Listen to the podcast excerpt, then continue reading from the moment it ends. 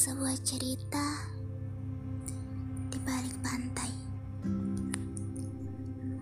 Pada saat itu angin menyapa lembut pipiku, seraya dengan mengkibar-kibarkan hijab panjangku. Dan laut pun mulai menarikku untuk mengajak lebih mendekat ke tepian. Tapi sang elang menghalangi aku saat aku ingin melangkah maju. Lagi-lagi dia mulai membuatku kesal. Dia menarik-narik tanganku dan meniupkan pasir ke wajahku. Hmm, dia memang menyebalkan.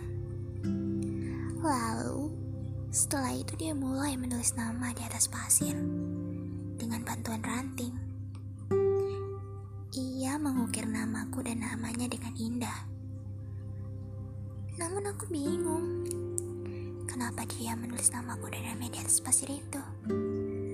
Bukannya nama itu pada akhirnya akan hilang di sapu sang ombak. Lagi-lagi tingkah konyolnya itu membuat otakku berpikir lebih keras. Tapi aku biarkan saja lah.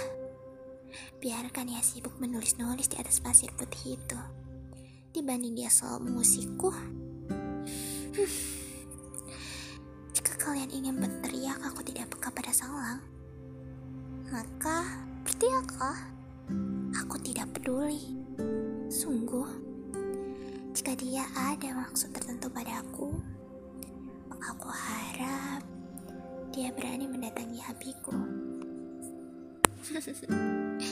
Selamat malam.